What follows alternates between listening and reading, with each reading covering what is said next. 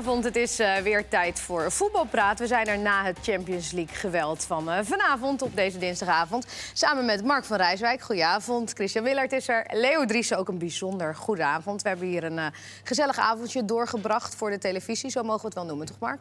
Jazeker, ja, zeer vermakelijke wedstrijd. met Welke uiteindelijk... wedstrijd hebben wij gekeken, natuurlijk? Manchester United PSG. ja. met uiteindelijk een uitslag die zeg, drie maanden geleden heel logisch was. En in aanloop naar dit duel de afgelopen dagen werd er misschien wel wat meer verwacht van Manchester United. Maar die hebben niet zo heel veel kunnen afdwingen. En ja, uiteindelijk blijkt toch dat iemand als Mbappé voor de United-verdediging niet af te stoppen is. Heb je ervan genoten, Leo? Uh, ja, United was compleet kansloos. Een merkwaardige rol van de scheidsrechter die in de eerste helft uh, heel veel gele kaarten gaf. Uh, nog te weinig eigenlijk? Ja, misschien wel. Ja. En dan op het moment dat hij, uh, dat hij moet gaan, uh, eigenlijk de tweede gele kaart moet gaan geven, wacht hij daarmee helemaal tot aan het eind van de wedstrijd. dat heeft United wel benadeeld. Want er was een keer een moment dat Rashford door was aan de rechterkant. Die wordt gewoon bij de schouder gepakt door een speler die al geel heeft. Mm -hmm. en, de Kimpembe scoort. En die scheidsrechter die, die wijft dat uh, gewoon weg. Kimpembe ja. had niet meer op het veld mogen staan, dat is nee, duidelijk. Exact. En die nou, ja. Nou, ja, maar dat... ja, nee, maar dat is wel essentieel. Maar zeker, en dat is wat je nu krijgt in de, deze topwedstrijd. Kijk, in de competitie kan je zeggen... over 34 wedstrijden heeft iedereen pech en nadeel en zo. Maar in dit soort wedstrijden is één beslissing... Uh, ja, dat bepaalt het gewoon. Dat, bepaalt, dat kan gewoon ervoor zorgen dat Manchester United doorgaat in plaats van PSG. We zijn serieus nog geen twee minuten bezig. Of omgekeerd. Het gaat niet meer over uh, voetbal. Het gaat, ja, het gaat over voetbal, ja, het maar het gaat, over, het gaat, over, de scheidsrechter meteen. Uh, is dat te snel? Nee, dat deed ik. Ja, dat, maar ja, is dat, ik bedoel, uh, het, is het is weer overheersend, de rol van de arbitrage dan misschien. Nee, nou, je begint over Mbappé. En dan, dan ja, kan de scheidsrechter ook daarbij. Dat, dat is denk ik nou ja, ik bedoel, het zijn cruciale momenten. Die man die scoort, die had er niet meer mogen staan. En, en zaten er VAR-momenten tussen, wat jullie betreft? Eentje, hè? De, de persoonsverwisseling. Ja. Uh, nou, uh, Pogba en Young is natuurlijk ja, elkaar spitting ja. image. Niet uit elkaar te houden. Mistaken identity. Ja, zou... ze, hadden, ze hadden de een zelfs nog een gele band gegeven, maar uh, ook dat was uh, niet... Kon hij niet zien, de Italiaanse, niet, was, de Italiaanse arbiter. Het zou ook nog kunnen zijn dat Jong daar de hele tijd gestaan heeft om het op te nemen voor Pogba. Hè? Dat hij het wel goed gezien heeft, want dat was toch een beetje, een beetje mm. verwarrend. Ja. Dus uh, dat het geen mistake en dat hij het wel meteen, maar dat hij de kaart niet aan Jong gegeven heeft, maar dat Jong daar gestaan heeft als aanvoerder om het op te nemen voor, uh, voor Pogba. Hoewel Jong uh, in de eerste juiste helft... ging eraf uiteindelijk dan. Ja, maar goed, uh, hoewel Jong in de eerste helft ook wel een rode kaart misschien had moeten krijgen. Want het stond op de Belgische sportsite. Jong flikkert Di Maria in de greppel. In de greppel ook echt. Ja, nou, dat, het was volgens mij geen greppel, maar het kwam behoorlijk hard aan. En dat is in ieder geval geel. En dat kan je ook zelfs ja, rood lijkt me overdreven, maar in ieder geval geel. Want, nou, ja... dat, dat, rood, want kijk, het duwtje was wel, on, uh, dat was wel niet zo... Maar hij weet precies wat hij ja, want hij weet hoe ja, dat veld daar afloopt. En jullie zijn er wel eens is... geweest. Hoe ziet dat eruit? Want voor, voor de mensen die geen, uh, geen televisie hebben gezien en dit alleen horen... Het loopt echt steil af naar beneden en het is best diep. En daarachter zit een stenen muurtje en dan dus dat hek, nou, dat hebben we gezien. Maar als je daar eenmaal van dat steile stuk afgaat... dan is er geen remmen meer aan. Dan uh, ga je heel hard onderuit. Mm -hmm. En iedere speler die bij uh, United heeft gespeeld, die, die weet dat. Maar het blijft toch heel erg lastig voor, voor uh, topscheidsrechters om, om een wedstrijd als deze... Want ik, ik, ik kan me niet aan de indruk onttrekken, en dat valt ook niet te bewijzen... dat hij in de, in de rust de opdracht krijgt van wel zo lang mogelijk 11 tegen 11 houden. En dat je dan uh, toch weer op marchanderen uitkomt. Want hij begint heel kordaat, hij weet het zeker. Hij heeft ook, denk ik, in alle gevallen gelijk gehad dat hij geel gaf. In, in, in het begin van de wedstrijd. Mm -hmm. En dan op een gegeven moment komt hij op een punt van dat hij denkt... oh, game, maar... Die had ik al gehad. Of, of, of hij realiseert zich dat zelf, of het wordt hem uh, van bovenaf nog even verteld. Of het is hem al voor de wedstrijd verteld. Van let op, uh, dit soort wedstrijden maar gaan we niet. Gaan, nou, omdat ze, ze willen nou eenmaal dit soort wedstrijden niet te gauw uh, met, met minder spelers op het veld komen. Nou, het is ook bekend toch dat dat wel eens gezegd is tegen scheidsrechters. Van pas op bij die grote Champions League wedstrijden. We willen niet dat het 10 tegen 11 steeds maar. En ja. WK's. En, en ik denk ook, er waren op een gegeven moment veel gele kaarten gegeven. Zo'n scheidsrechter gaat denken, ik zit wel heel dik boven het gemiddelde. Ik ga ze maar wat minder geven. Dan geef je Young er geen. Dan denk je in de rust was dat nou wel goed. Vlak na de rust krijg je het gevalletje Pembe, hou ik hem ook maar op zak. Ja, tuurlijk, het is marchanderen, Aleta. Ja. Maar dat gebeurt dus. Maar goed, qua voetballend, ik verbaasde, het verbaasde me uiteindelijk toch wel. Want Manchester United, nou, niet in bloedvorm, maar het scheelt niet veel. Die, we hebben echt, die, dat was een en al uh, Jolijt daar onder Solskjaer, wonnen alles. Volgens komt PSG, missen Cavani en Neymar. Wat zeker, eigenlijk misschien is Cavani qua het spel dat ze spelen nog wel belangrijker dan Neymar. Neymar is natuurlijk met zijn nou, klasse ik, belangrijk. Maar... Ik deed ze zonder Neymar beter af waren. Nou ja, maar, maar dan is, dat, dat zeg ik. Misschien is dat Cavani... Maar Cavani is zo belangrijk in de aanjagen, momenten van druk zetten. Dus je mist twee essentiële spelers. Eén. En dan zo... Ja, oké. maar goed. Ja, ik vind Neymar ook wel vrij belangrijk. Maar goed. Nou ja, maar dan, kun dan moet je het wel het spel heel anders gaan spelen. En, en nu kunnen ze met, de, met... Want hij weet gegarandeerd al die elf leveren arbeid. Ja, die Maria is... Die Maria, is... Die Maria heeft ongelooflijk veel arbeid verricht. Jawel, maar... Die, ongelooflijk veel. Ben ik wel met je eens. Maar die Maria is in dat opzicht normaal gesproken niet iemand die... Nee, maar daar wel enorm vandaag. is. Ja, vandaag wel. Vandaag. Dat heeft uiteraard... met het Alves op rechts was natuurlijk En twee een hele goede assists. oplossing. Ja. Dat vond ik wel mooi. Eh, Het hele publiek, eh, wat, dat vond ik ook... Maar goed, er, er zit een hele geschiedenis met die Maria. Ja, bij, waarom die eh, zo werd uitgesloten inderdaad. Ja, hij is... Hij is Niet geliefd. Op het gegeven moment ook de spelers van Manchester United hadden op een gegeven moment een hekel aan hem. Die vonden hem wel heel erg klagen en mopperen en weinig presteren voor al het geld dat hij verdiende. En hij is toen weggegaan en heeft onlangs nog eigenlijk volledig de schuld bij Van Gaal neergelegd. Voor het feit dat hij niet heeft gepresteerd bij Manchester United. Mhm. Oh, En niet bij zichzelf. Dus Ja, Van Gaal is populairder bij de Manchester United-fans dan Oh. Maria. Dat, Dat- kunnen we nu gewoon... maar Van Gaal is Maar populairder dan een hele hoop mensen. hij is impopulair geworden naar aanleiding van... Nou, hij, hij heeft niet gepresteerd, heel veel geld verd- verdiend. En hij legde de schuld alleen maar bij anderen.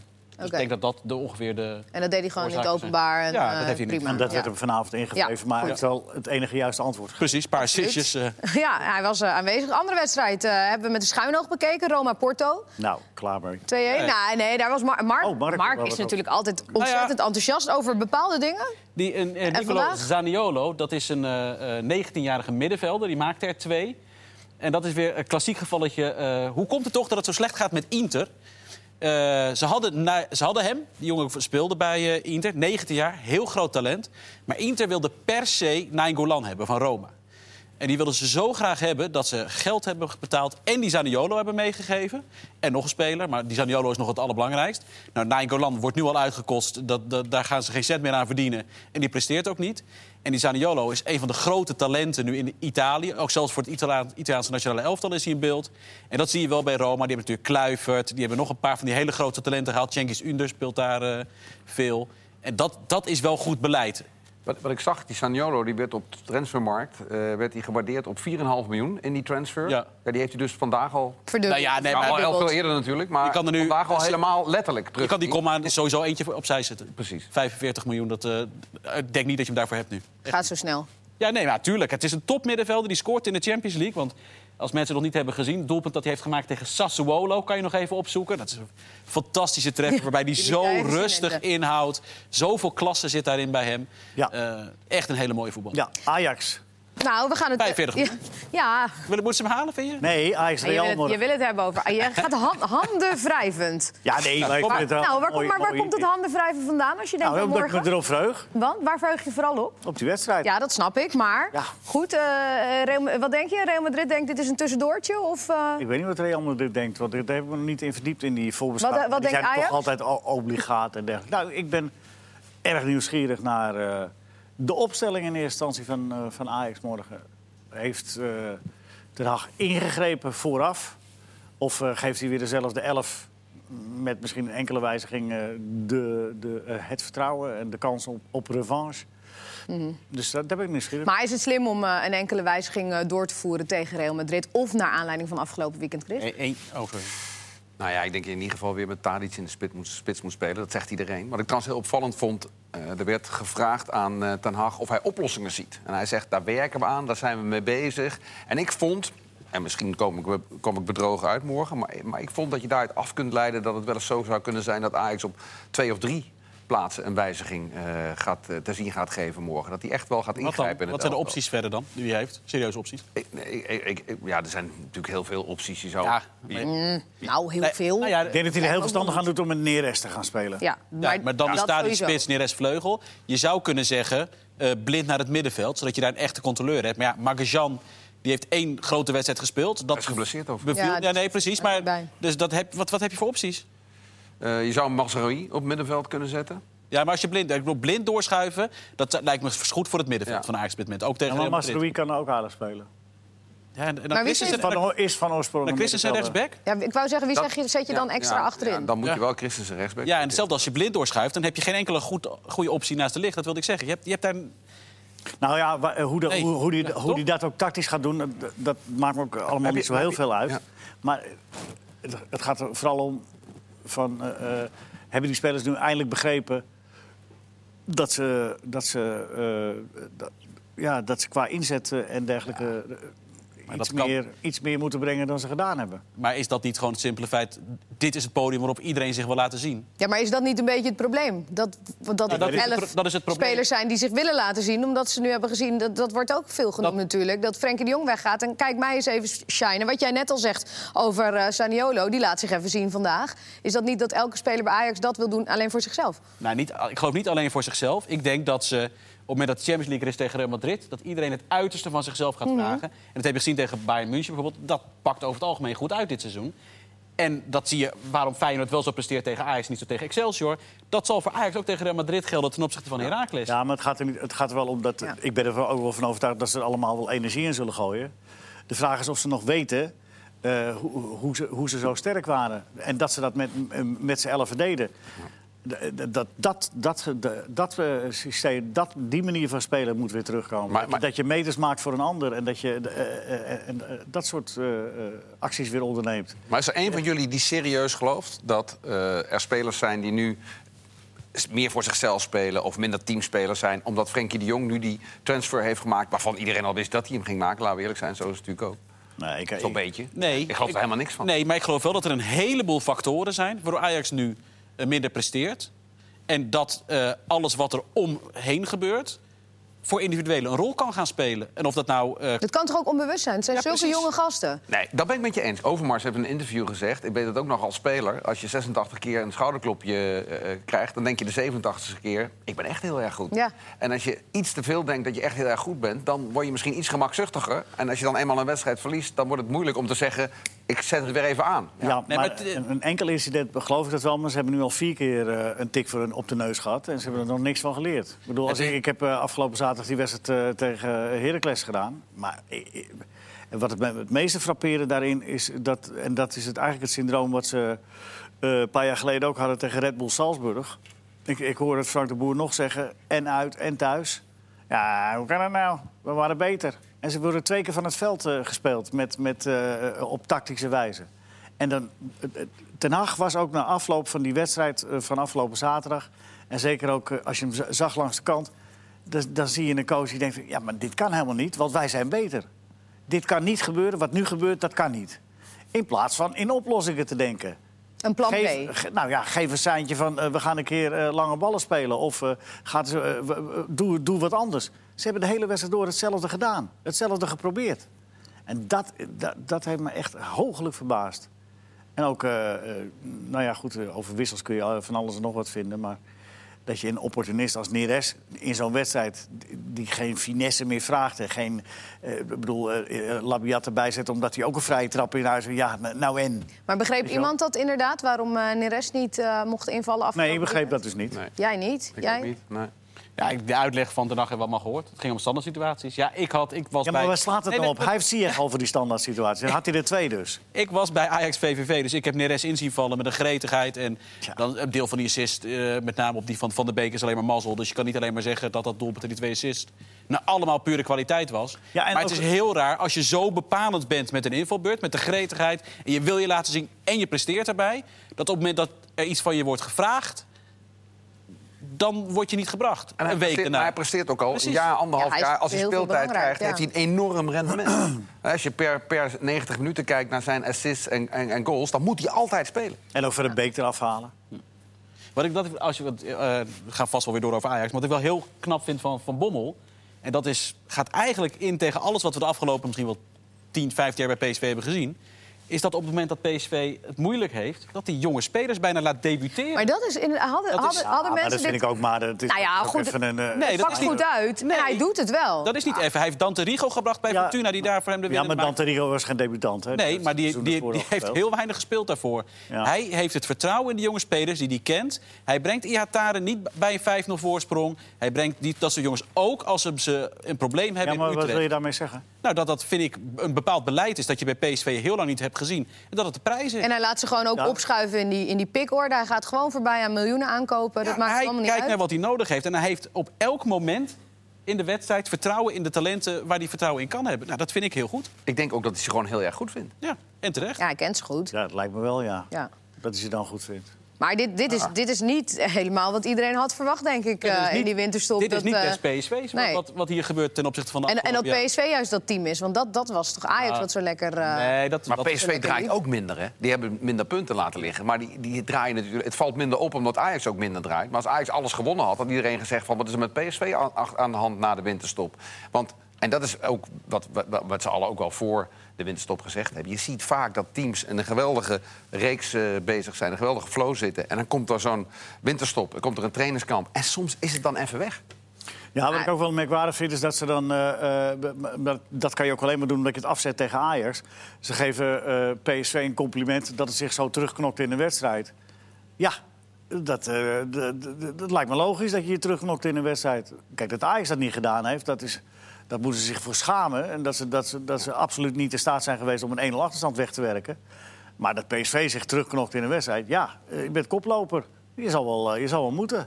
ja, maar dat, Maar daar kregen, daar kregen ze dus eh, echt, in mijn ogen, overdreven complimenten voor. Nou ja, ze pakken daar... Wel, dus eh, gewoon ja, je kan ook zeggen, Ja. hoe kom je met 2-0 achter? Nou ja, wat ik- zeg, het is minder erg dan Ajax, dus is het blijkbaar goed. Maar, Nee, maar bij als Ajax alles gewonnen had, zouden we nu zeggen... god, PSV, daar punten verloren. Maar PSV had zeker in uitwedstrijden voor de winterstop, op ADO uit, na denk ik, hebben ze al heel veel van dit soort wedstrijden Klopt. gespeeld. Ja, aan het einde. Fortuna, nou, nou Fortuna. November, december, en het begin van... Nou, Fortuna, Pek Zwolle. Dat is een uitzondering. Pek Ja. Zwolle was ook vrij vroeg in het seizoen. Nee, maar het is eh, prima. Dus voor, P- nee, maar voor, dus voor PSV is nee, maar voor, Dus precies. toch? Voor PSV is het vrij normaal om in een uitwedstrijd nipt te winnen, nipt, eh, dus nu een keer nipt gelijk te spelen.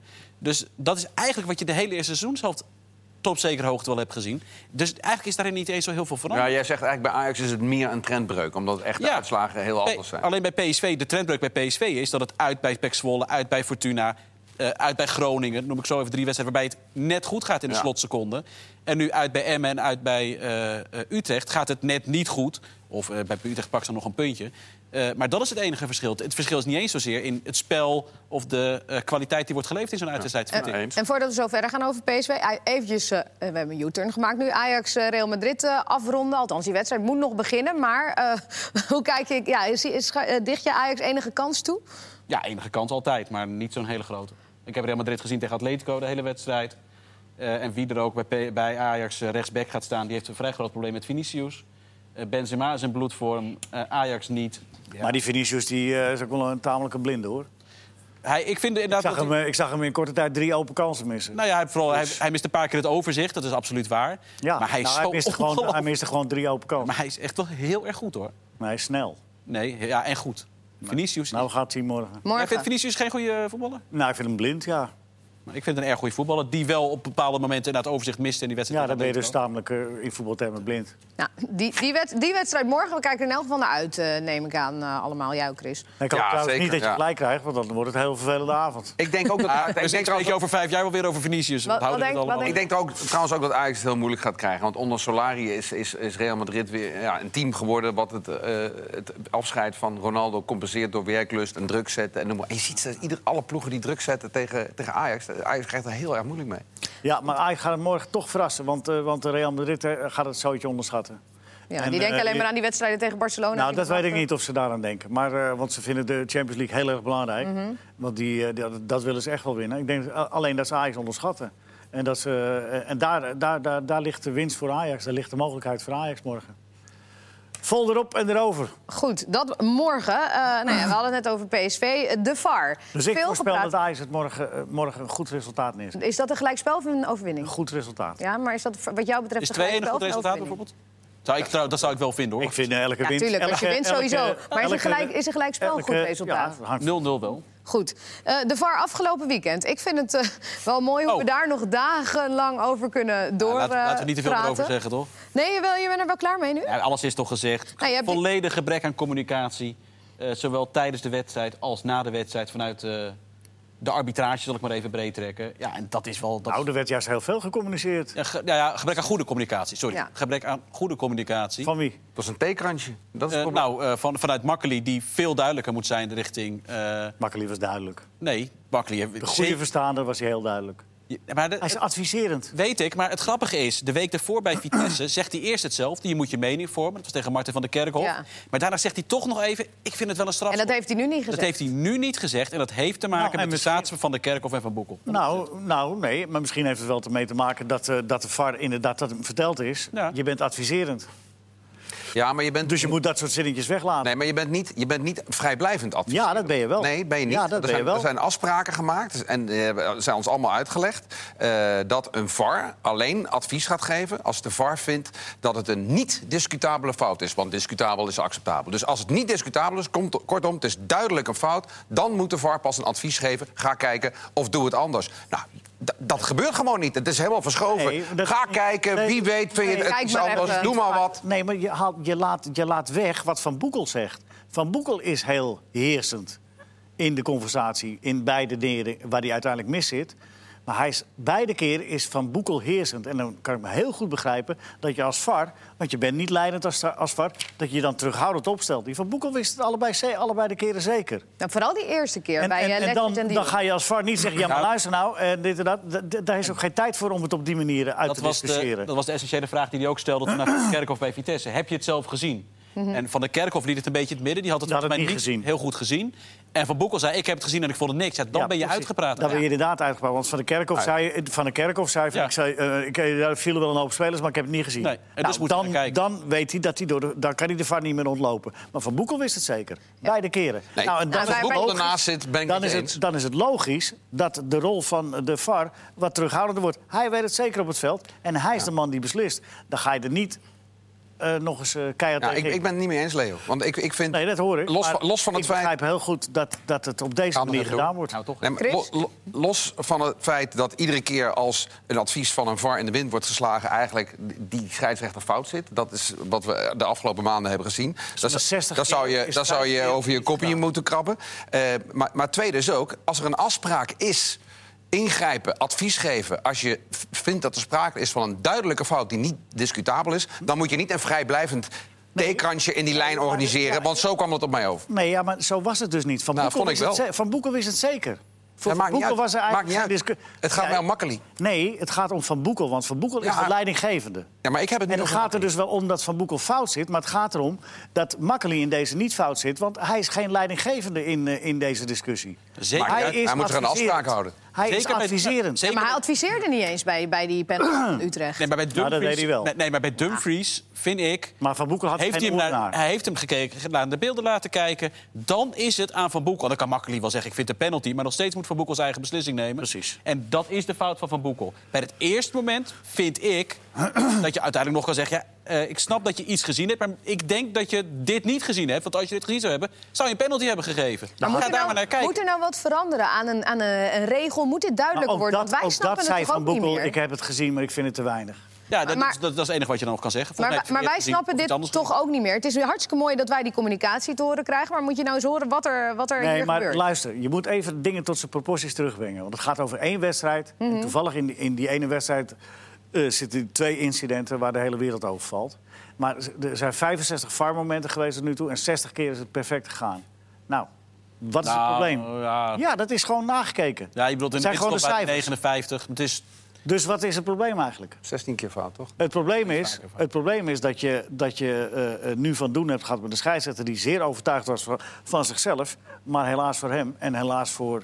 Nou ja, je kunt het tegen elkaar wegstrepen maar, eh, maar, eh, maar, eh, maar twee keer naast zat. Maar het is wel, het is wel een soort onbegrijpelijk. Nee, maar het is wel een soort onbegrijpelijk. Als jij in een stadion zit. Ja, maar als, als, je in een stadion zit, dan begrijp je er ook helemaal niks meer van. Dan ga je naar huis en denk je, nou, waarom ben ik eigenlijk. Nou, zo dom zijn de mensen nee, niet in het stadion. ook niet. Want de VAR is nu een half jaar onderweg. Jawel. Iedereen weet heus wel dat er overlegd wordt en, en, en kan dat inmiddels zelf. En, en die gaan dan snel op hun mobieltjes meekijken, bijvoorbeeld. Ja, maar, en, je en wat je dus intussen natuurlijk wel hebt, wat iedereen doorheeft, dat is dat de VAR interpretatie blijft.